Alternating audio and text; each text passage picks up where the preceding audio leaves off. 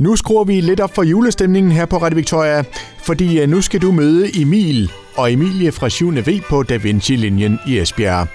Eleverne de har sammen med deres forældre og lærere måtte tænke noget kreativt for at samle penge sammen til de udenlandsrejser, som klassen gerne skulle på i løbet af de næste par år.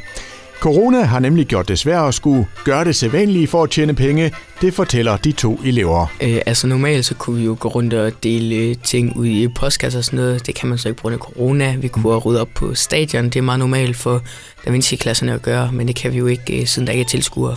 Hvad gjorde I så? Vi har samarbejdet med nogen fra Julemosen ude i Varde, og så arrangeret en masse hyggelige aktiviteter for børn, og øhm, så kan man købe et juletræ til 150 kroner, ja. og så kan man komme ud og få en rigtig hyggelig oplevelse sammen med sin familie. Vi skulle have lavet tambola og selv småkassen ud, men det må man desværre ikke øh, på grund af corona. Men øh, vi øh, har en julekande ude, man kan få tur i og få børn. Øh, der er der sådan en øh, skattejagt, hvor man så får en julepose, øh, hvis man klarer en skattejagt. Øh, og så kan man bare hygge sig ud med familien. Der er en halv, hvor man kan spise en madpakke, hvis man er det med. Og så ellers bare en hyggelig dag. Hvad er det, I gerne vil have, have os øh, i Esbjerg til at gøre? Øh, vi vil jo gerne vil sige, øh, altså skal have et juletræ, så øh, købe et juletræ hos os. Øh, man får jo også en god oplevelse med.